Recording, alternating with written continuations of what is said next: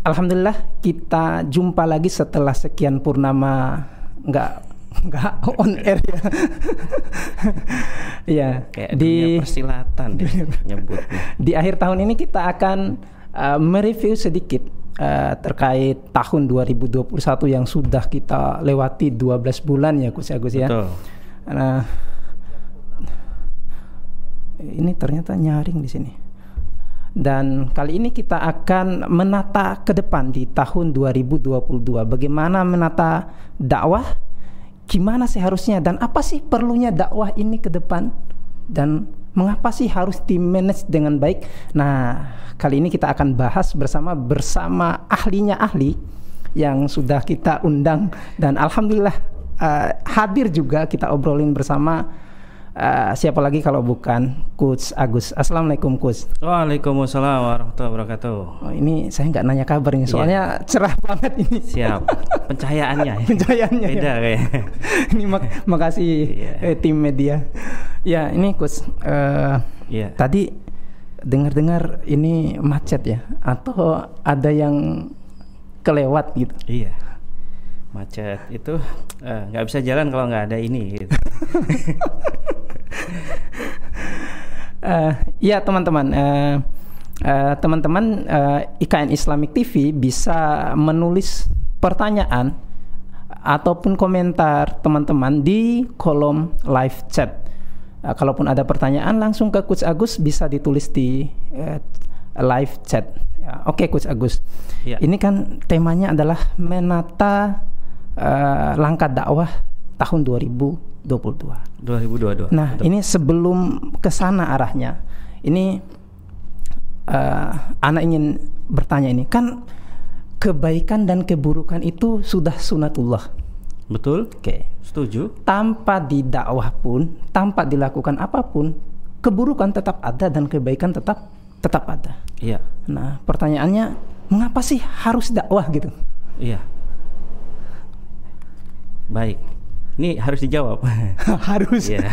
biar biar uh, sahabat IKN Islamic TV itu paham dan mudah-mudahan tercerahkan gitu. Yeah. Sehingga tidak ada istilah soalim lu. Mau sana aja ke masjid ya gitu. Betul, betul. Iya. Saya setuju. Jadi ini nanti uh, sekalian buat yang lain kalau ada pertanyaan tadi ya. Oke, okay, oke. Okay. Bisa ditulis, tapi kalau semisal sulit gitu, pertanyaan sulit jawabannya nanti gitu ya kan nggak mm -hmm. harus hari ini tapi kalau pertanyaannya mudah sebaiknya nggak usah nanya apa ini terus terus ini gimana ceritanya iya. nanya atau enggak sih yes kan sudah saya kasih kisi-kisinya gitu jadi sebenarnya kalau uh, kita bicara kita nyebutnya sebenarnya itu uh, bahasanya kurva normalnya begitu ya oke okay. setiap gagasan baik gitu ide mm -hmm. baik mm -hmm. atau seruan-seruan yang baik selalu ada pendukungnya. Oke. Okay. Plus selalu ada penentangnya. Mm -hmm. gitu. Biasanya minoritas, pendukung dan penentang minoritas. Mm -hmm. Yang di tengah-tengah itu rata-rata gitu. Ya taruhlah 20%, 20%, uh, 60 persennya itu ngambang. Ngambang. Gitu. Saya nggak usah nyebut kotoran, gabus aja. gitu. Bukan netral ya. Yeah dia ngambang tergantung kuat mana opininya. Oke. Okay. Kalau ternyata yang 20% ini si pelaku maksiat lebih viral, mm -hmm. lebih vokal, okay. lebih dominan gitu. Mm -hmm. Yang 60% ini bisa ngikut ke situ. Oke, okay, sip sip. Begitu juga si baik gitu. Mm -hmm. Kalau dia lebih viral, lebih vokal, lebih powerful gitu. Nah, yang 60% ini potensi ngikut ke situ. Nah, kurva normalnya gitu. Sekalian juga uh, orang yang apa itu ngajak kepada kemaksiatan gitu ngajak kepada kemaksiatan itu juga berlaku kurva normal ini okay. ada yang dukung gitu mm. ada juga yang nentang gitu okay. sama porsinya 20% 20% 60% ini ngambang gitu. Jadi yang 60% hmm. itu ngikut yang 20%. Entah yes. itu yang kuat yang baik atau yang penentang. Ya, di tengah-tengah masyarakat juga begitu. Oke. Okay. Jadi Kalau kita nyebut masyarakat gini. Uh -uh ada masa kritis, masa kritis, ada masa awam. Masa awam. Masa kritis itu yang di 20% kiri dan kanan. Mm -mm. Masa awam tuh 60%. Gitu. Jadi okay. uh, eh, fokusnya di situ. Kita mengenali dulu peta masyarakatnya begitu, Oke. Okay. Ya. Dan kurva normal opini juga begitu. Oke. Sehingga kenapa kita harus dakwah gitu. Mm. Sama nih pada saat kita Iya, iya, sampaikan oke. gitu. Hanya 20% yang bisa jadi terima, 20% yang nggak suka gitu. Mudah-mudahan saya termasuk yang 20% ya. Iya. Yang mana dulu? gitu. Oke. eh, s- eh, baru ini masuk ke intinya. Iya. Bukan masuk ke inti, baru masuk ke tangga pertama. Oke. Nah, kita kan mau menata dakwah ini, coach. Betul. Mau menata dakwah. Mhm. Kenapa sih dakwah itu harus kita tata untuk 2022? Ada apa sih dengan 2021 ini? Iya. Gitu. Kan eh, opini yang yang berkembang misalnya kalau ada kerusakan ya palingan ah, itu hebohnya media aja gitu. Betul. Hebohnya media aja. Dan sebenarnya faktanya seperti apa sih tahun 2021 supaya kita bisa kan harus ada spionnya ya gitu. Iya. Walaupun kecil-kecil amat kan nggak ada spion yang besar tapi ah, penting spionnya. Jadi seperti apa sih kejadian 2021 yang kita lewati itu faktanya seperti apa? Karena kalau yang terlihat di media katanya orang-orang oh itu viralnya media aja itu. Iya. Oh di fakta kehidupan realnya ya nggak juga seperti itu. Oke. Oke. Jadi kalau kita uh, flashback gitu, kalau kita lihat lagi ke belakang di Oke. 2001 gitu. Bisa jadi sebenarnya kenapa harus ditata dakwah buat 2022 gitu.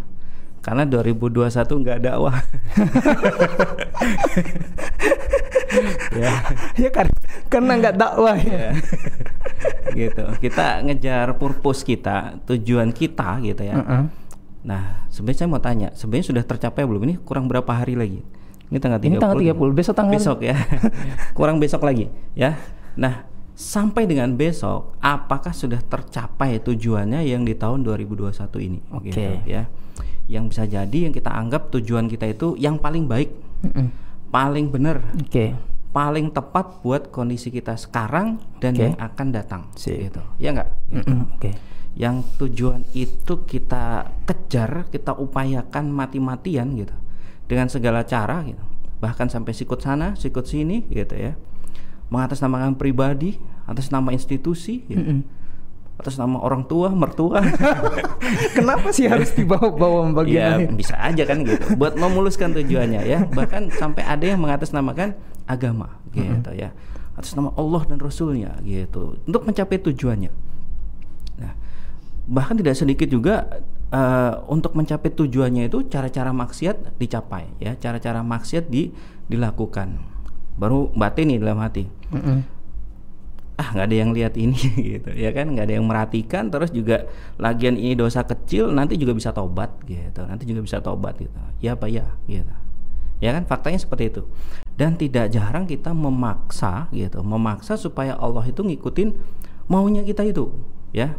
Jadi kita susun yang sebenarnya maunya kita ini kita paksa kemudian berdoa supaya Allah memenuhi maunya kita gitu.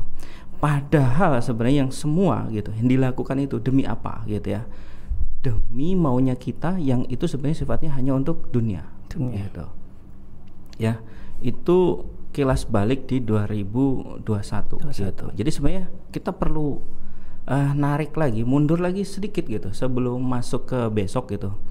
Jadi kita muhasabah dulu gitu ya. 2021 itu adalah momen eh, di akhir tahunnya itu sebenarnya momen muhasabah kita sebelum masuk ke tahun 2002 ya. Pertama dipahami dulu faktanya gitu. Sudah ada yang tanya?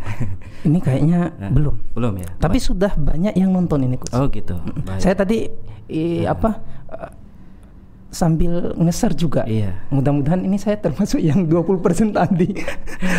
Jiwa laki-laki saya ini Sekalian aja dikirim nomor rekening ya. Jadi faktanya gini.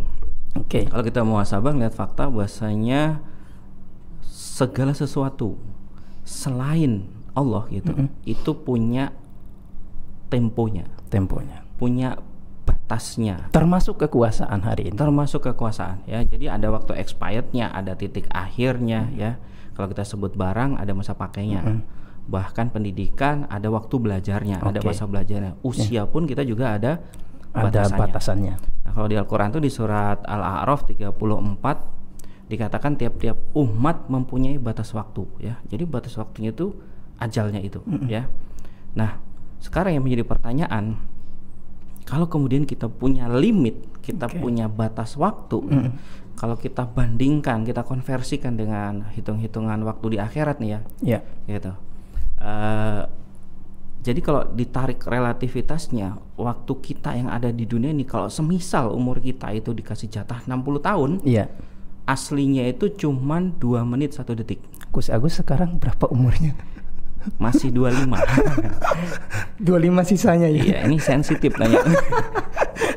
25 jalan 40 ya. Jalannya gini. ya, 25 jalan 40 ya. Jadi kalau umur kita 60 tahun itu cuma 2 menit Dua. 1 detik. 2 Dua, menit 1 detik. dua menit satu detik. Itu pun kalau nyampe 60. Kalau nyampe 60. Dan 60 ini tidak semuanya dipertaruhkan. Oke. Gitu. Akil balik nggak dihitung. Iya. Jadi masa kanak-kanak sampai 15 tahun nggak dihitung. Tidur kita juga nggak dihitung. Nggak dihitung 8 jam. 8 jam taruhlah kemudian 8 jam ini sepertiga dari eh, keseluruhan waktu yang 24 jam sepertiganya ya berarti sebenarnya kan sudah dipotong ak- akil balik tadi Heeh. sisa 45 sepertiganya lagi ya 15 15. jadi sebenarnya cuma sisa 30 tahun Jadi kalau kita hanya sholat misalnya 5 menit. yes Mhm. 5 menit kali 5 25 menit 25 menit aja sehari 24 jam itu baru ngarepnya masuk surga harapnya masuk surga selamanya Surganya siapa? siapa yang mau ngasih gitu kan? Jadi pertanyaan siapa yang mau ngasih gitu. Nah sebenarnya kita pengen nggak kalau maunya kita, tujuan kita, semua yang kita program itu berjalan sesuai dengan maunya Allah. Oke, gitu. oke. Kan kita sering nyeret-nyeret Allah ngikutin maunya kita. Mm-mm. Berpikirnya gini, kalau kita berdoa diijabah, dikabulkan, berarti sebenarnya Allah izinkan mau kita, ya nggak? Tapi pada saat tidak diijabah, kita harusnya berpikir Allah mau semua maunya Allah yang berlaku buat kita, ya kan Oke, gitu. iya, oke. Gitu. Bukan kemudian malah disalah-salahin gitu. Aduh, apa yang salah ini? Di- diulangin lagi. Salahkan ortu, mertua, instansi tadi. gitu. Ya, dibawa lagi. Ke sahabat IKN lagi-lagi kata kuncinya adalah jangan salahkan orang tua dan mertua Iya. ya, biar nggak blunder gitu. biar nggak ya. benar. Oke, Coach. Eh, ini sebelum dilanjut ini. Ini tadi ada batas limitnya. Iya.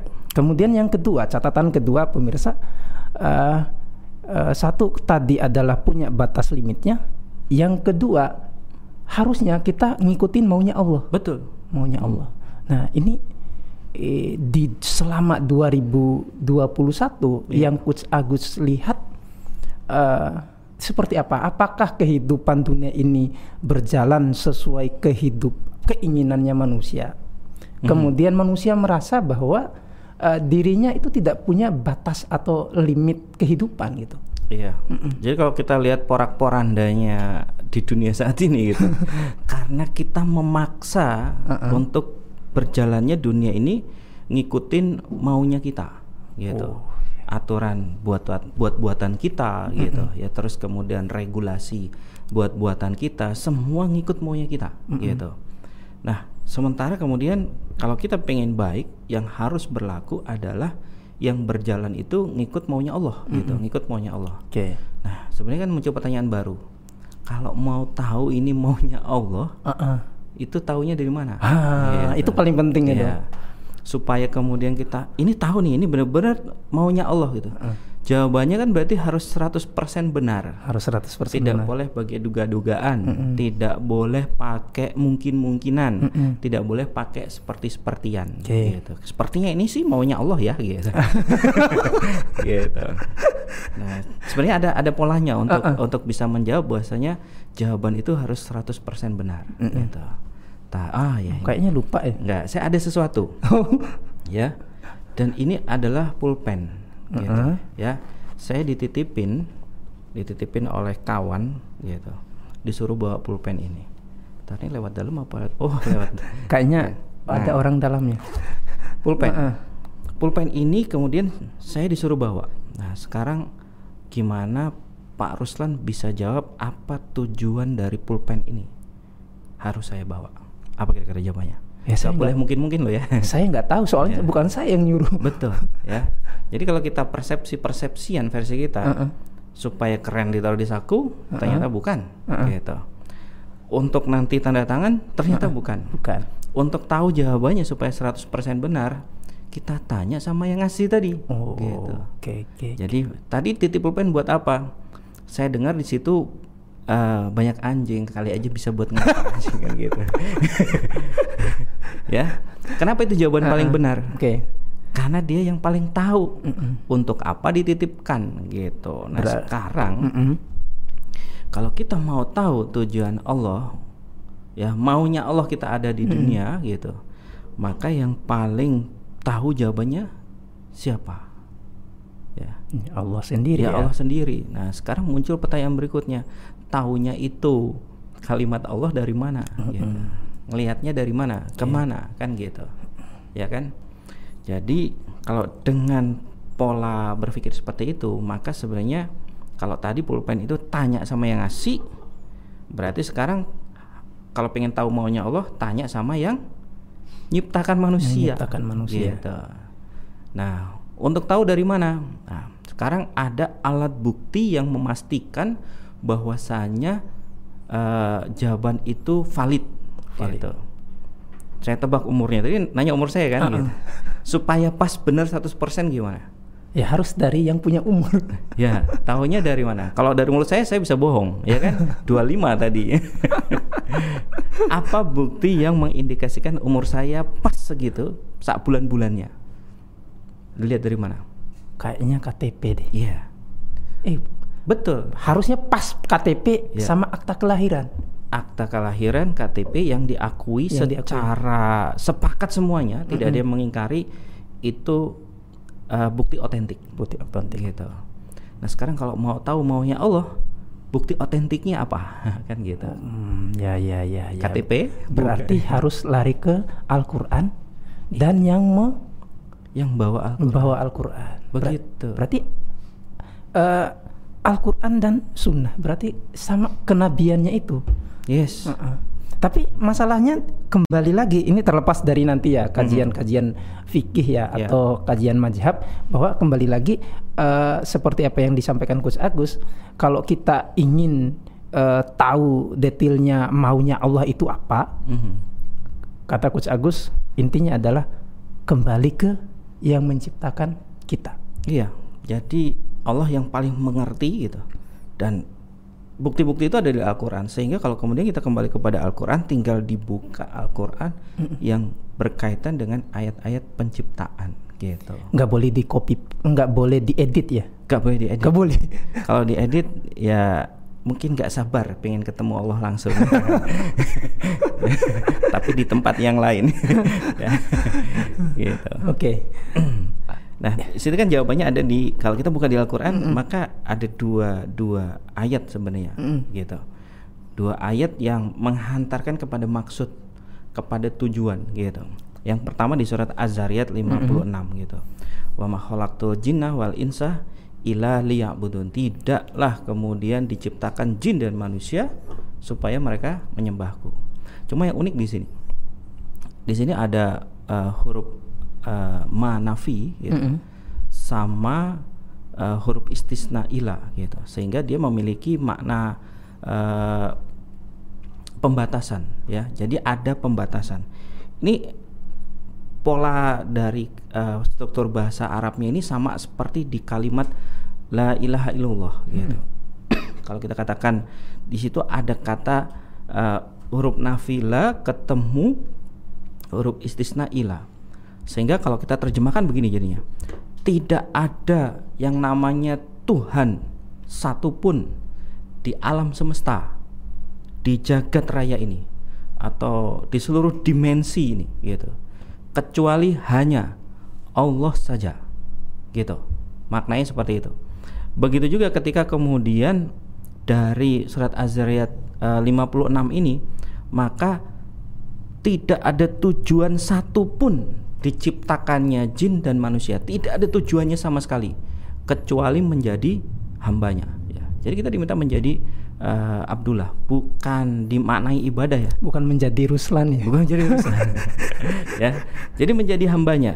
Hambanya itu seperti apa? Berarti siap taat siap tunduk siap untuk mengikuti semua maunya maunya Maunya Allah. ya. Itu yang pertama di Azarat 56 kemudian ada di Al-Baqarah 30 Ingatlah ketika Tuhan berfirman kepada para malaikat, sesungguhnya aku hendak menjadikan seorang khalifah di muka bumi, ya. Jadi kita ini dikasih kuasa, gitu.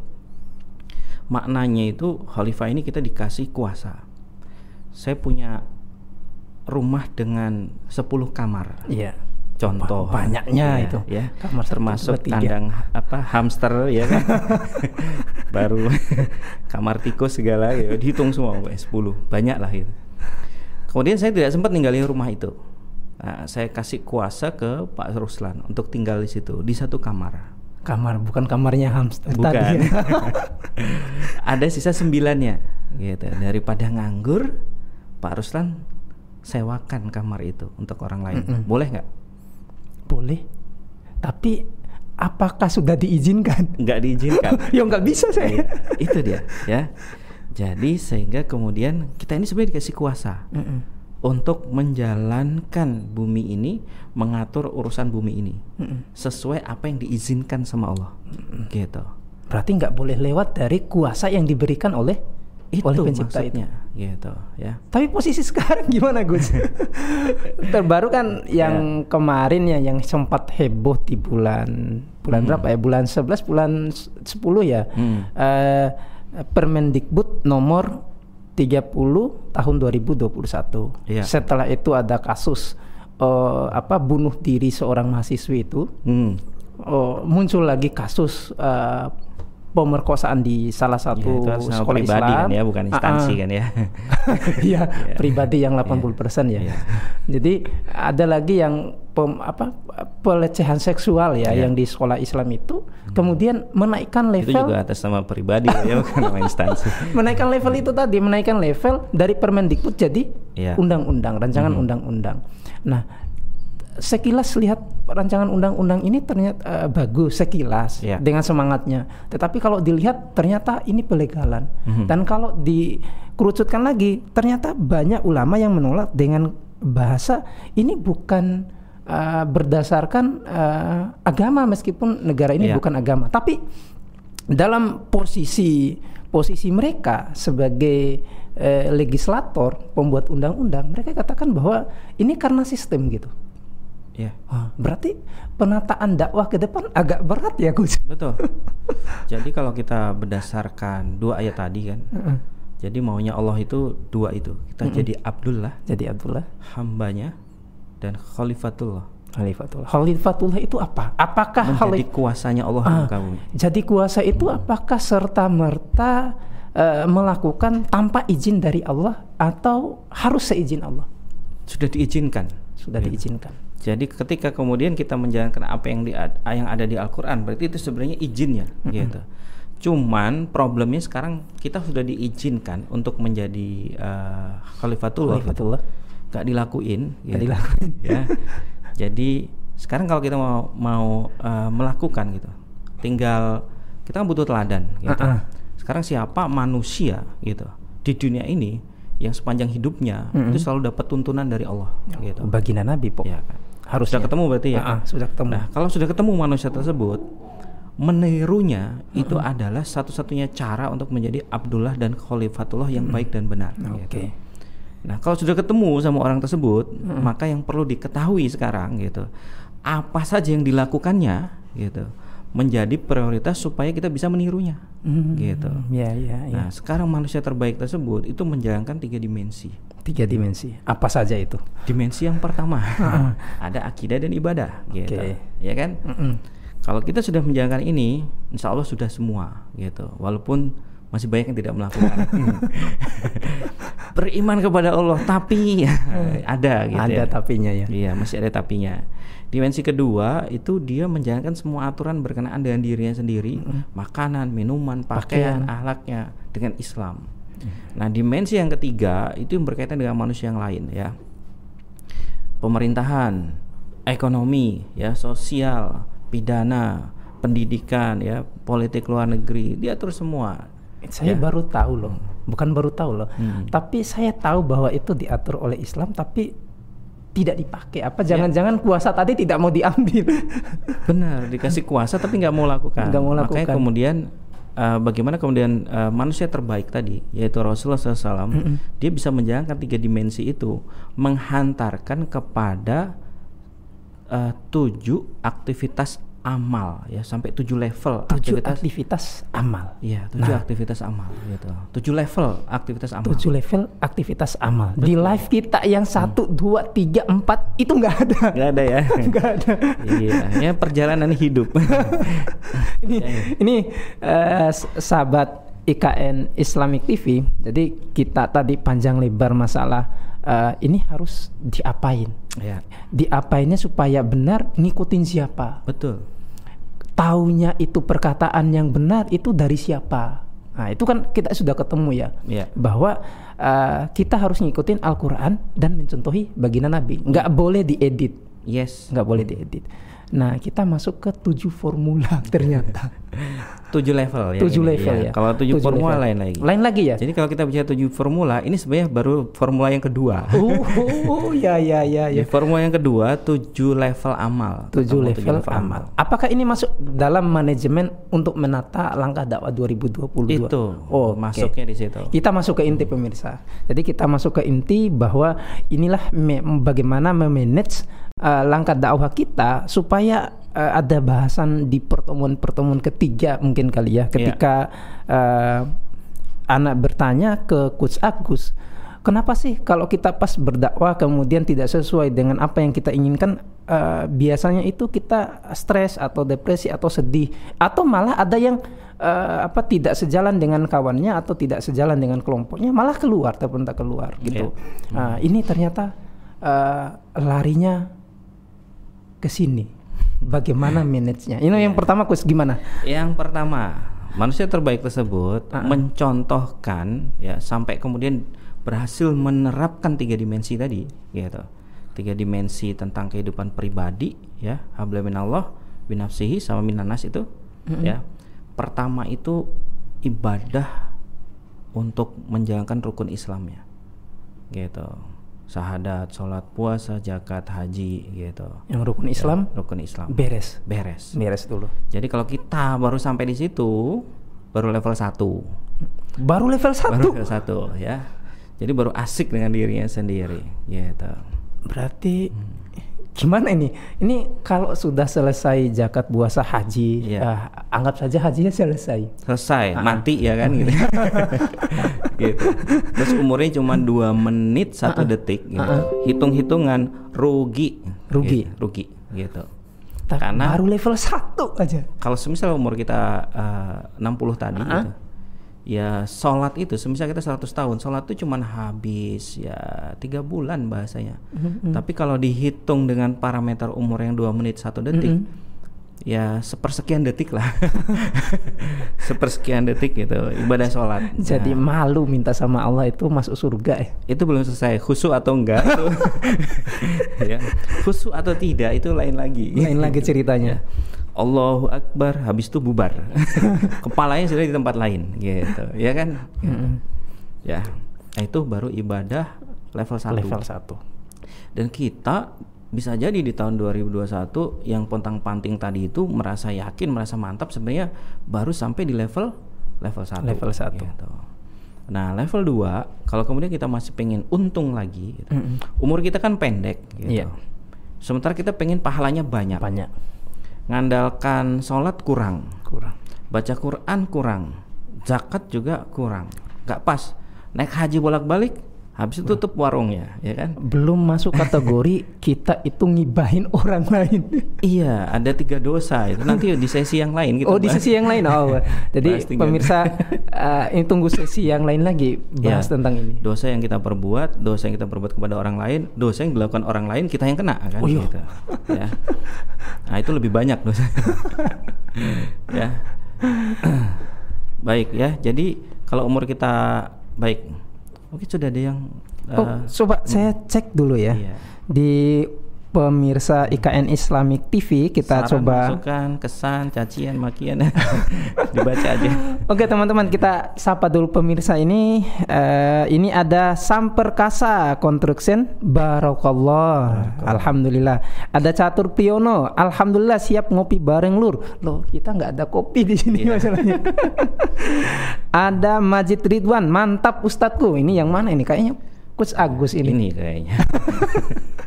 Kemudian ada Catur. Julianto 7 level amal Masya Allah Kemudian ada Nur Aini Na Nasruddin Madura hadir Wih dari Madura Wih, masya Allah. Ustadz Atau dia Nasruddin. itu Iya, iya, iya. asal Madura tinggal di sini ya Kayaknya pindah ke Madura. Pindah ke Madura Iya. Masya Allah Ada Maulana Agung Up, up, up Oh ini Iya, iya. rajin up ini Iya, iya, iya. Oke pemirsa ini kita sudah bahas masuk ke level kedua ya Iya. 7 level ini level kedua level pertama adalah eh, menjalankan rukun Islam ternyata itu baru level pertama Level pertama ibadah mahdoh itu masih level, level satu. level satu Iya. Dan yang kedua, Mm-mm. ini bisa jadi lebih panjang daripada umur kita. lebih panjang dari umur kita Jadi orangnya mati, pahalanya jalan gitu. Yang kita harapkan seperti itu kan, ngalir terus gitu. Iya. ngalir terus Nah itu ada tiga gitu. Pertama ada sodako jariah, sodako jariah anak yang soleh, Mm-mm. sama ilmu yang bermanfaat. Ilmu yang Ini mana yang mau kita genjot ya? Eh kok anak yang bermanfaat? Eh, Anak soleh tadi. Anak ya? soleh. Anak soleh yang bermanfaat. anak soleh Iya. anak soleh yang mendoakan kedua orang tua Iya, anak saya yang udah kedua orang tuanya. Yang jadi pertanyaan gini, kalau sodako jariah gitu, berapa banyak danakah yang harus kita habiskan Mm-mm. sehingga membuat kita dijamin masuk surga? oke kalau saya kurang uangnya Iya, berapa M, berapa T gitu. Kalau guru saya bilang gitu, Coach Haris Islam, 5 miliar profitmu per hari gitu. Tidak akan bisa membeli surga. tidak gitu. akan membeli surga Wah, mati dong gitu. Jadi saya jadi teringat Iya. hadis Nabi ya, hadis Nabi yang terkait perbandingan antara generasi berikutnya dengan para sahabat. Iya. Kata Nabi, kalian mensedekahkan eh, emas eh, segunung Uhud, hmm, eh, emas segunung Uhud itu tidak mampu menggantikan satu langkah kaki para sahabat beliau. iya. Berarti gimana ini di zaman krisis seperti ini kita tidak mungkin ya punya harta emas Sebanyak sebesar gunung Uhud sebanyak itu. Jadi Dan sebanyak itu pun tidak bisa menjamin juga masuk masuk surga. masuk surga. ya. Waduh. Jadi sodako jariah ini modalnya gede. Modalnya gede. Nah, selanjutnya yang bisa menolong kita, yang kedua yaitu anak yang soleh yang mendoakan orang tuanya. Kayak anak yang Iya. soleh yang mendoakan kedua orang tuanya. Sekarang butuh berapa banyak anak soleh kan? Dari berapa indukan? gitu. Kan gitu. ini kalau eh, eh, ini coach Oh, Afwan, iya, siap. ini ada yang bertanya ini. Apa? Nah, sebelum bertanya ini tak saya sapa dulu ada Hasan Bisri. Kemudian Siap. ada Udin S. Barakallah Ustadku love you. Oh, Iya. oh apa nih love balik lagi. Ya, love balik gitu. Fallback kakak ya, jangan lupa subscribe dan eh, apa eh, tanda loncengnya supaya ketemu terus sama Coach Agus di Hasan- setiap hari. Hasan itu Kamis. bisa diajak ke sini. Oke. Saya. mau dia. Mau dia. Nah ini ada pertanyaan uh, coach dari Muhammad Hasirudin. Siap. Uh, ini kayaknya kaget beliau ini. Sulit atau mudah? Uh, ini kayaknya uh, di level yang tengah. Oke, Oke, siap. Uh, ini orang lain berdosa, kita kena dosanya. Masa sih? Iya. Ah, Mau dijawab sekarang atau nanti Itu dibungkus? sebenarnya di sesi berikutnya. Di sesi Iya, berikutnya tadi aja, kan oke. Contoh itu. Oke. Ya. Ini sebenarnya obat dari itu gitu. Oke, kita ngasih obatnya dulu Obatnya ya. dulu, Oke, gitu. oke. Untuk uh, Pak Muhammad Hasirudin, uh, pertanyaan ini kita akan bungkus dan saksikan di jangan lupa saksikan live berikutnya di pekan berikutnya ya Iya. dengan Coach Agus. Siap. Iya. Jadi ini ada Nono terjadwal ini ya. Terjadwal. ada juga dari penajam coach. Iya. Dari penajam Nono penajam penajam hadir, masya Allah. Ada juga Subandrio ke Bogiro mantap level pedasnya ya. Woi, Jos Pak RT. Pak RT coba. Iya. Sampai Pak RT yang yang masuk di sini. Oke, coach. Lanjut yang tadi. Iya. Gimana? Kalau harta tadi itu tidak eh, maksudnya peluangnya kecil ya. Betul, Walaupun kecil, memang kecil. bisa ya, Iya. tapi peluangnya kecil. Kemudian anak yang soleh harus berapa banyak anak? Iya. Dan harus berapa semua anak kita belum tentu belum tentu. mendoakan. Uh-uh. gitu. Dari istri-istri yang banyak itu juga. Saya nggak ngomong gitu. Ruslan yang ngomong. Istriku nonton. Oh gitu. Iya. Jadi eh, apa pemirsa IKN Islamic TV sebelum kita di sini tadi kita sempat ngobrol dengan tim media bahasanya seperti itu. Jadi ini ya kalaupun takut untuk melakukan paling Ya. tidak kita tidak takut melakukannya. Mengo- begitu kita berbicara. berfokus di tujuh amal ini, Uh-uh. itu, udah nggak kepikiran ya. begitu. Harusnya begitu. Ya, gitu. Jadi nggak kepikiran yang Jadi itu. mikir buat kita selamat atau aman saja gitu, itu uh, sudah sulit sekali. Sudah gitu. sulit. Ya, apalagi nanti kalau kita bongkar di sini, bisa jadi kita baru sampai di level 2 gitu, sampai di level 2 Atau jangan-jangan level satu tadi ya. bisa jadi level Bisa satu, jadi. gitu. level satu sudah cool, kemudian ngobrolnya ke sana kemari kan gitu nah kalau anak yang soleh juga kurang Kurang. gitu. maka sebenarnya ada cara yang mudah murah gitu Mm-mm. dan menyenangkan Menyenangkan. nah itu yang ketiga ilmu yang bermanfaat Ilmu yang gitu. bermanfaat. jadi dia cuma butuh apa modalnya butuh mau aja Mau aja ya. mau nuntut ilmu mau duduk mendengarkan kajian gitu dapat ilmu yang bermanfaat Dapat ilmu bermanfaat. Begitu dia dapat ilmu yang bermanfaat, nah kalau kemudian dia mau menaikkan levelnya lagi supaya ilmu yang bermanfaatnya ini menjadi pahala yang besar buat dia, Mm-mm. maka dia naik ke level 3. Naik ke level, Level 3. 3 dengan ilmunya itu. Berarti tidak cukup mendapat ilmu yang bermanfaat saja. Betul. Oke. gitu. Sampai ilmu yang bermanfaat itu bermanfaat buat orang lain. Bermanfaat juga Di level orang. 3. Apa itu? Ilmunya didakwahkan. Ilmunya didakwakan. Ya, jadi dia menyampaikan ilmunya spesifik kepada amar ma'ruf nahi mungkar. Gitu. Level 3. level 3. Tiga. Jadi orang yang melakukan amar ma'ruf nahi mungkar, dakwah memanfaatkan ilmunya itu baru level 3. Baru level 3. Iya, insya Allah dari sini sudah berapa peserta yang gugur? gitu. Ya ya ya ya. Ini menarik ini. Iya, ternyata coba yang penge- gugur like. ternyata apa namanya? Level 3 itu dimasuk kategori pengemban dakwah. Pengemban dakwah masuk ke Iya, amar level ma'ruf 3. nahi mungkar. Gitu. Baru level 3 Coach. level 3 gitu. Us, menarik ini. Level 4-nya ini saya penasaran ini. Apa level 3-nya? Coach? Ya, level, Level empat, empatnya level empat. gitu. Kita sudah melakukan dakwah. Mm-mm. Amar ma'ruf nahi mungkar. Sampai kemudian orang yang memanfaatkan ilmu kita, kita Uh-uh. dapat pahalanya tanpa mengurangi pahalanya. Mm-mm. Gitu. Supaya naik level 4 dari orang tersebut Mm-mm. comot satu atau dua jadikan murid. Jadikan murid. Ya, yang diajarkan ilmunya, ya dikasih ilmunya, dipahamkan tentang keilmuan itu. Oke. Maka selama dia jadi murid kita dan kemudian dia juga berdakwah meneruskan ajaran Islam Mm-mm. dari ilmu yang kita kasih, Mm-mm. kita dapat pahalanya gitu. Bayangkan kemudian yang kita ajak ini punya teman seribu, seribu seribunya diajak gitu, maka dapat semua gitu. Dapat semua. Ya, Imam Syafi'i itu meninggal di usia 45 tahun. 45 tahun.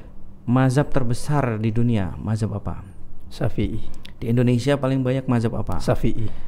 Semuanya mengkaji kitabnya. Berapa banyak pahala Imam Syafi'i?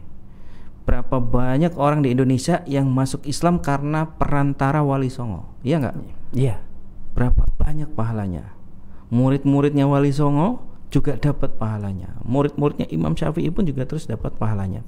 Sekarang kita hitung bagaimana kemudian Rasulullah dan para sahabat gitu yang sampai kemudian kita hari ini mengenal Islam. Mm-mm. Kemudian saya contohkan tentang Umar, Abu Bakar, dia Iya. dapat pahalanya gitu. Oke.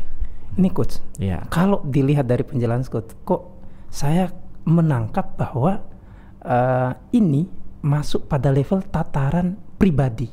Mhm. Masuk pada tataran pribadi. Apakah tidak ada kalau masalah eh, memanage itu harusnya Mhm. jemaah kan? Iya. Nah, apakah tidak ada kategori jemaah level berikut? Oh itu level berikut. Oh, level berikutnya ternyata.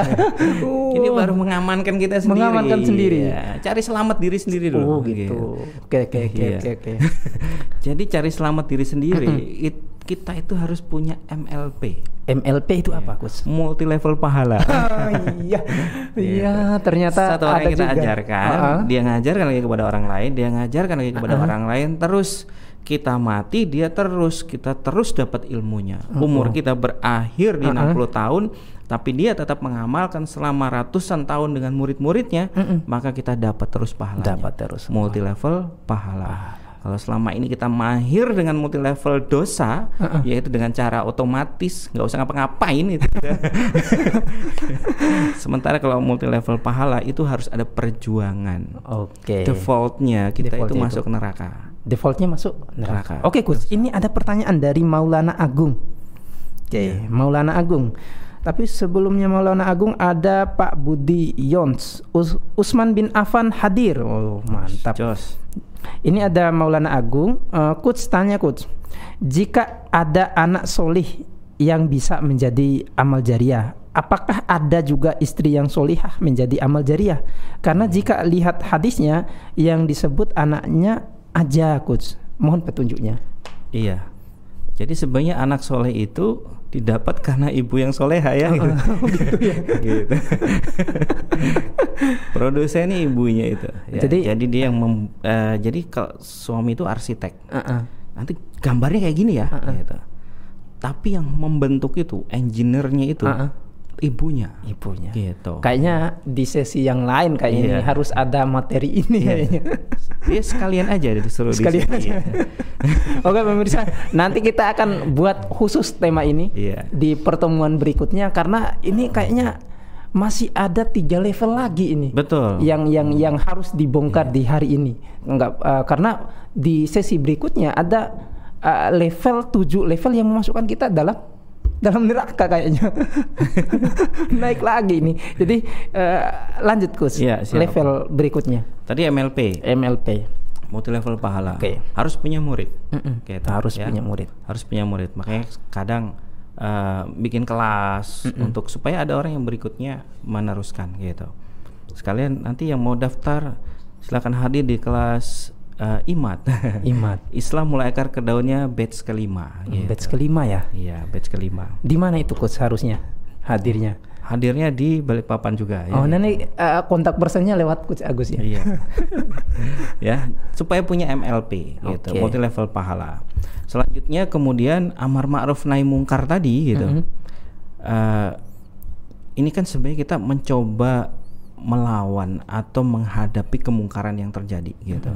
Kemungkaran yang terjadi ini kan ada tingkatan-tingkatannya. Oke. Ada yang kecil sama ada yang besar gitu. Ada yang kecil, ada yang besar. Nah, puncak dari kemungkaran yang terbesar adalah yang membuat keseluruhan umat manusia suka maupun terpaksa jadinya melakukan kemungkaran itu. Puncaknya itu. Ya, gitu. Kayak Homer itu halal apa haram? Oke, Haram, ya kan? Kok halam sih? Haral. ya, haram gitu. Nah, cuman seperti yang kita bahas sebelumnya, tapi legal kan? Legal iya, Gitu. memang ada pengaturan sekian persen Hmm. eh, alkoholnya, Iya. tapi tetap aja di dilegalkan gitu. Kecuali yang ditangkap itu yang yang tanpa izin. Betul. Ah, Kayak zina, halal apa haram? nggak ada di sini. Legal kan? Legal. Gitu. Yang haram itu ya pelecehan kekerasannya. Iya, yang nanti kan di dunia eh, ya tadi yang sempat disampaikan bagaimana apa Menteri Pendidikan kita yang eh, Kece badai. iya kece badai gitu ya, yang kurang mendidik malah kayaknya ya gitu, membiarkan kemudian bahasanya eh, pintu dari kerusakan pergaulan pria dan wanita yaitu karena tidak dipisahkannya pria dan dan Wanita. wanita gitu ya. Hancurnya rumah tangga juga seperti itu karena tidak mengerti batasan pergaulan antara pria dan wanita, gitu. Bahasanya laki-laki ketika di luar dia tuh menjadi pakaian bagi istrinya. Dan seorang wanita yang sudah menikah dia menjadi pakaian bagi, Bagi suaminya. Jaga kehormatan itu ya. Kalau sudah di kafe di tempat umum kan lupa gitu ya. sudah. Apalagi reuni ya, 60% pintu selingkuh ada di reuni kan gitu. Hati-hati untuk reuni. Iya. Nah, kemudian ketika ke- kita lihat bahwasanya ada kemungkaran yang sifatnya besar ini tadi gitu. Karena tidak ditegakkannya syariat Islam secara Secara menyeluruh. secara kafah. menyeluruh. Nah, itu dimensi 1 2 3 itu diterapkan gitu. Tidak diterapkan secara kafah. Sehingga level 5 Mm-mm. amar ma'ruf nahi mungkarnya dakwahnya yaitu tegaknya sistem Islam itu Sistem Islam. tegaknya daulah Islam itu karena Rasulullah melakukannya kepada eh, bersama dengan para sahabatnya sampai kemudian dari Mekah dengan dianiaya, disiksa, dia tetap berdakwah sampai kemudian hijrah di Madinah jadilah daulah Islam yang pertama. Daulah gitu. Berarti dakwah melanjutkan kehidupan Islam Yes. dengan menerapkan hukum-hukum Islam itu Level 5. level 5. Level 5. Masih ada dua level lagi pemirsa. Penasaran ini. Iya. Jadi kita menganggap diri kita menjalankan sholat, Betul. eh, membayar zakat, kemudian apalagi eh, haji, Haji. kemudian sholat-sholat lain-lain. lain. Iya. Ternyata baru level satu. Baru level satu buat Kem- diri sendiri. Buat diri sendiri. Kemudian mengajak punya apa ilmu yang bermanfaat. Ternyata baru level 2. Baru level 2 gitu. Kemudian mengajak orang untuk berbuat baik amal ma'ruf nahi mungkar level 3. Level 3. Dan kita kan cenderung serakah ya biasanya. Ah, ah.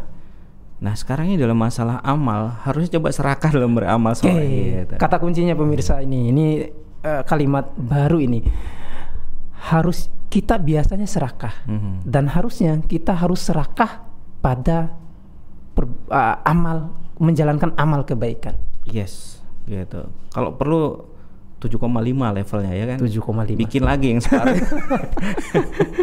7 level dia cari-cari sendiri nggak apa-apa gitu ya. Oke. Nah, yang keenam Mm-mm, yang keenam. dia dakwah amar ma'ruf nahi mungkar ya untuk tegaknya daulah Islam secara berjamaah. Berjamaah. Gitu. Berarti harus jamaah harus Berkelompok. berkelompok. Jadi Nggak boleh Ros- sendiri kalau gitu. Rasul juga berjamaah. Berjamaah. gitu. Bahkan disebutkan juga di Al-Qur'an itu eh, berjamaah perintahnya kan Mm-mm. gitu.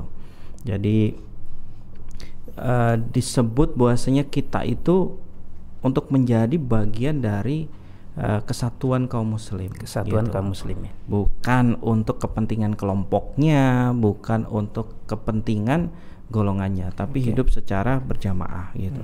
Dan dikatakan kita emang menjadi orang yang eh, baik karena disebut baik di dalam Al-Qur'an kuntum khairu ummah gitu.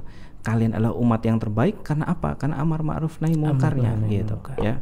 Dan itu bukan sendirian tapi berkelompok gitu. Makanya berjamaah. disebutkan umat, umat gitu. Jadi bukan bukan eh, kaum.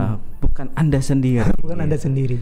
Kalau perintah kemudian untuk sendiri-sendiri, perintahnya itu ada di eh, di surat ini sebentar yang di awal tadi kelewat dibaca ya. Dikatakan di surat Al-Hasr kita Al-Hasr. disuruh eh, ittaqullaha wal tanzur nafsun ya. Ya ayyuhallazina amanu ittaqullaha wal tanzur nafsun. Disuruh melihat, memperhatikan wal tanzur ya. Melihat, memperhatikan, menghitung-hitung, menimbang-nimbang nafsun masing-masing diri. Masing-masing diri. Jadi kalau disuruh masing-masing diri nggak perlu toleh kiri kanan. Boleh gitu. kiri kanan. Apa nih kodamats ya?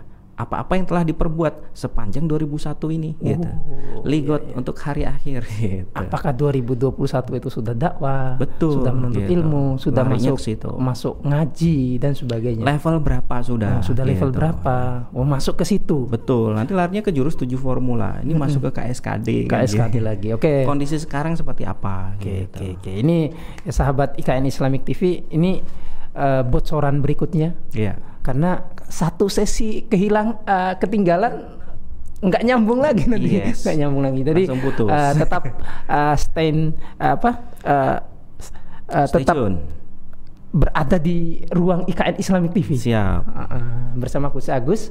Dan eh, level 6 tadi kita sudah bahas tadi Iya. ya. Kita sudah Jadi bahas dakwah tadi tegaknya dakwah Islam secara dakwah berjamaah. secara berjamaah. Dan level ketujuh ini apa ini?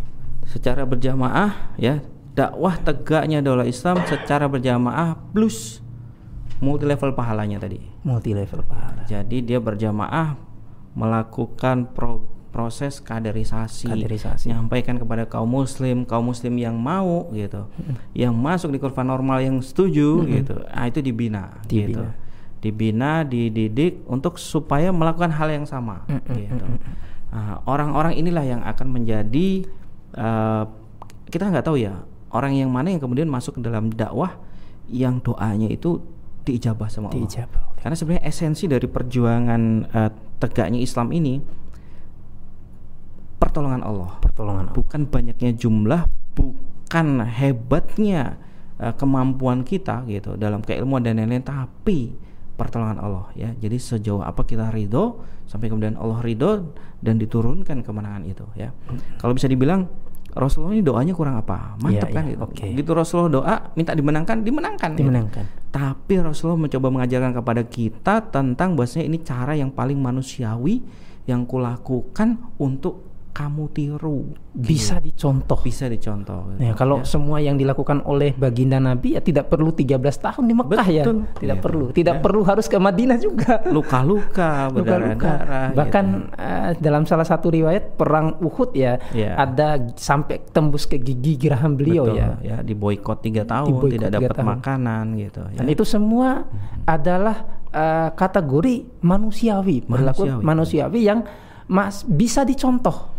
Jadi kalau kita pas masuk atau terjun dalam dakwah menghadapi itu manusiawi, Manusiawi berarti Biasa aja gitu. Ya biasa aja Biasa kalau aja gitu. Oke, Ya. oke, oke. Oke, Gus Agus, Ya. ini kita sambil lihat eh, pemirsa yang bertanya. Eh, oke, para pemirsa eh, IKN Islamic TV yang ada di mana pun Anda berada, eh, silakan bertanya di kolom live chat jika ada pertanyaan yang ingin disampaikan ke Coach Agus terkait dengan eh, manajemen bagaimana menata dakwah di 2022. Eh, sudah disampaikan tadi bahwa ada tujuh level eh, amal perbuatan atau tujuh level manusia kategori perbuatannya. Ternyata fardu ain itu masih level satu, masih level satu pemirsa. belum apa-apa, dan belum cukup. ah, dan orang yang menganggap dirinya adalah pendakwah itu baru level tiga. Level 3 Gimana ini? Jadi eh kayak nah, Kalau kita flashback jadinya kan ah, ah, yang muncul oke. pertanyaan selama 2021 kemarin sudah kita jalankan sempurna nggak rukun Islamnya? Oke Gitu. oke oke. Sudah di level mana kita Ya juga? di data. Terus kemudian sudah punya amal jariah apa? Mm-mm. Sodako jariah sudah rajin nyumbang ke masjid ya tiap Jumat gitu. Oke. Ya alhamdulillah gitu kan. Lima ribu, eh enggak ding dua ribu, eh masih ada yang seribu ya. seribu Ya gitu, Allah. udah paling jelek lagi gitu. ya. Nah amal jariah apa? Ternyata kalau belum gitu ya, pengennya sih yang mudah punya anak soleh gitu, tapi belum punya pasangan ya kan sulit jadinya. gitu. ya diselesaikan dulu ya semua penghambat-penghambatnya itu gitu ya penghambat apa challenge ya?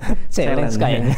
challenge-nya dituntaskan. Kalau misal sulit dari eh, sodako jariah sama anak yang soleh punya amal jariah berupa ilmu yang bermanfaat. Ilmu. gimana caranya? Cari kajian. Cari kaji. 2021 sudah punya kajian belum?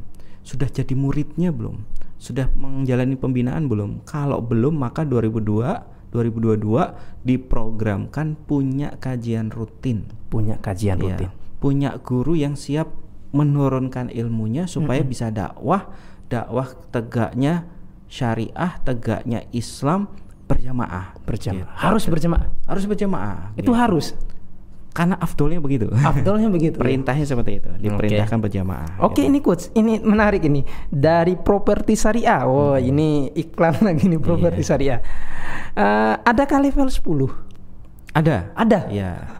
Level 10 itu setelah level 8 dan 9 gitu. ya. Iya level 10 itu ada setelah 8, 9, Hmm. pasti 10. Jadi sampai di level 7 saja Islam itu akan diterapkan sempurna sehingga Oke. penghinaan-penghinaan kepada Islam yang berjalan saat ini gitu ya. Mm-mm. Eh, semua-semua yang diharamkan di dalam Al-Qur'an ini Mm-mm. itu berhamburan berlaku gitu. Berhamburan berlaku. dan mengancam generasi kita untuk melakukan baik suka maupun terpaksa. Suka maupun terpaksa. Nah, kita nggak bisa memproteksi anak kita selama 24 jam. Memang kita cuma bisa. ngawasin pada saat kita ada di rumah. Di luar dari itu, anak kita dibina dan dibentuk oleh lingkungan yang lingkungannya saat ini tidak islami gitu. benar, ya. benar. Nah, level 7 ketika kemudian kita jalankan secara sungguh-sungguh, maka tiga dimensi syariat Islam itu bisa diimplementasi secara kafah. Maka datanglah keberkahan Allah dari dari langit dan dari langit dan dari bumi gitu. Nah itu sudah lebih dari cukup gitu. Lebih dari- Karena sebenarnya kenapa kita selalu merasa kurang? Tidak punya batas cukup gitu. Dia punya batas cukup Jadi itu. kita nggak punya batas cukup kita itu apa sehingga yang namanya syukur itu nggak pernah datang gitu. Kalau kurang terus nggak akan pernah datang syukur. Jadi sekarang di tahun 2021 kenapa masih pontang panting uh, melakukan maksiat belum punya program seperti manusia terbaik punya program hmm. karena kita tidak punya batasan cukup gitu. tidak punya batasan cukup iya atau merasa kurang tapi yang dikejar dunianya hmm. gitu hmm. jauh jauh dari hidayah jauh gitu. dari hidayah oke Gus ini mungkin ini pertanyaan uh, terakhir ya karena ini sudah jam 18.00 waktu Balikpapan siap oke tadi ada bahasan bahwa uh, menerapkan uh, berdakwah itu mengkaji ilmu kemudian berdakwah untuk penegakan syariah, penegakan hukum-hukum Islam itu harus lewat jamaah. Ya. Nah ini kan ada anggapan di di tengah-tengah masyarakat kita, coach, yang memang uh, ini nggak bisa dinafikan juga hmm. bahwa uh, ada dalam tanda kutip justru karena banyaknya uh, harokat dakwah, banyaknya yeah. kelompok dakwah membuat kita uh, apa namanya uh, terpecah. Apakah uh, memang demikian? Kalau memang demikian adanya, apakah ada manajemen khusus gitu? Yeah. Uh, bagaimana cara menata uh, dakwah di level uh, harokah ini gitu? Fokus kepada permasalahan dulu. Oke. Okay. Masalah umat muslim saat ini kan kenapa kemudian Islam uh, porak-poranda seperti hari ini? Bagaimana umat muslim sekarang berada di titik paling terendahnya mm -hmm. gitu. Ya. Kita lihat aja keluar dari sini yang uh, nutup aurat berapa persen. Okay. Kalau dilihat KTP-nya muslim mm -hmm. kan gitu. Muslimah ya gitu. gitu. Nah, ini karena tidak diterapkan Islam sehingga kalau kemudian diperintahkan berjamaah gitu ya. Fokuslah kepada kelompok jamaah yang di yadauna ilal khair wa ya'muruna bil ma'ruf hmm. gitu ya. Jadi kelompok carilah kelompok yang berfokus untuk menyerukan kepada Islam terus kemudian melakukan amar ma'ruf nahi mungkar untuk tegaknya Islam di muka bumi. Hmm. Parameternya itu. Ya, perkara nama kelompoknya terserah. Kalau mau ikut kelompok saya juga nggak apa-apa. Gitu. ya ada banyak gitu ya ada banyak tapi fokusnya di situ yang yada'una ilal khair yang menyerukan kepada Islam dan penerapan syariat Islam kafah sama amar ma'ruf nahi mungkar dua itu saja dua ya itu berarti fokusnya ke problematika iya, umat ya, problematika umat gitu hmm. karena sebenarnya Rasulullah mengatakan barang siapa yang bangun di pagi hari tidak memikirkan urusan uh, kaumku maka dia bukan golonganku golongan. ya kayak sekarang tuh lagi rame nih di perairan Indonesia saudara muslim kita yang di Rohingya iya. gitu. Kabarnya juga itu nggak diterima gitu Betul. di sini. Dan dia sudah ngasih kode ya mukul-mukul perutnya sama uh, kode lapar, kode lapar, lapar gitu ya bahasa seperti itu. Kenapa nggak diterima? Karena umat muslim saat ini disekat dengan pemahaman nasionalisme ya. Hmm. Banyak isme-isme yang tidak bersumber dari Islam gitu. Nah, itu PR-nya. PR Gimana mau kita tahu isme-isme itu tidak bersumber dari Islam?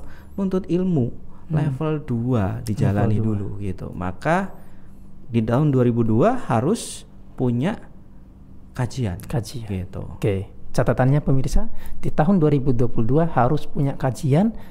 Yang ketiganya baru naik level ke ya. dakwah itu ngaji satu dua kali pertemuan juga sudah boleh dakwah sudah gitu.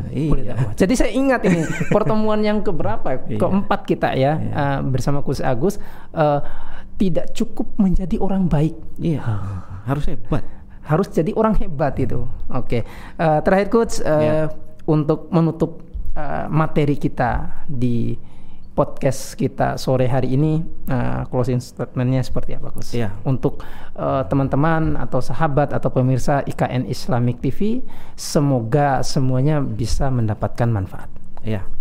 Jadi tujuh level pahala ini gitu, amal soleh kita nyebutnya sebenarnya pahala investasi ya. Gitu. Pahala investasi. Ya inilah yang sebenarnya akan jadi investasi yang akan kita bawa sampai mati. Yang ini dulu pekerjaannya para nabi, para rasul gitu ya, dan kemudian para sahabat, dan orang-orang soleh setelahnya. Dan sebenarnya bukan hanya tugas mereka, ternyata ini yang diamanahkan kepada umat muslim saat ini mm-hmm. gitu dan ini obat dari seluruh permasalahan yang terjadi di tengah-tengah kaum muslim saat ini sehingga mengambilnya ya menjadi suatu perkara yang harus gitu mm-hmm. kalau kita memang berharap menjadi orang yang ingin masuk surga oh, gitu. Okay. Jadi seperti itu. Seperti itu. Kita ini mau menutup sebenarnya, Gus. Tapi masih ada pertanyaan satu ini ya, dari Nata Mulyono, gitu. Dari Nata Mulyono, Gus mau tanya, Ini boleh nggak? Ya. Boleh. Coach mau tanya, apakah dakwah di lingkungan keluarga uh, kewajiban? Apakah sudah bisa masuk amalan level 3? Iya. Jadi keluarga itu prioritas pertama sebenarnya. Prioritas ya, pertama. Prioritas pertama. Jadi tanpa harus diperintah, harusnya mereka adalah orang yang pertama ada dalam uh, perlindungan kita mm -hmm. gitu. Orang pertama yeah. dalam perlindungan dalam didikan kita. Iya, perlindungan okay. baik dari segi pemikirannya mm. gitu, dari pe apa serangan-serangan pemikiran dari luar gitu ya. Kita yang melindungi, memproteksi mm. itu. Oke. Okay. Ya. Melindungi mereka juga dari uh, apa melindungi darahnya, melindungi nasabnya, kehormatannya. Gitu. Kehormatannya itu tugas kita ya. Okay dan kita tidak bisa tahu bahwasanya dia berada dalam penindasan atau tidak kalau kita tidak mengerti Islam kan okay. gitu ya kita anggap baik-baik saja ternyata dia sedang jauh dari Islam mm -hmm. gitu ya joget-joget sendiri di rumah gitu kan gitu ya seperti itu oke okay. ya. cukup kayaknya ini yeah. pemirsa karena ini sudah lewat 6 menit dari 18 uh, eh, waktu balik papan oke pemirsa itu tadi bahasan kita terkait dengan menata langkah dakwah di 2022 jadi 2022 pastikan bahwa kita sudah punya uh, jamaah, punya uh, harokah dakwah, tempat kita untuk mengkaji ilmu, ya. tempat kita untuk membina diri. Setelah itu tempat kita berjuang untuk uh, menerapkan, mendakwahkan bagaimana terciptanya kehidupan Islam di level uh, kehidupan berbangsa dan bernegara. Mungkin itu dari kami uh, kita tutup dengan satu kata kunci tadi dari Coach Agus bahwa manusia itu sifatnya serakah dan harusnya kita serakah pada amal kebaikan. Saya Aim Ruslan dan bersama Coach Agus. Coach Agus, uh, terima kasih atas uh, partisipasi pemirsa sekalian uh, bersama kru yang bertugas. Assalamualaikum warahmatullahi wabarakatuh. Waalaikumsalam.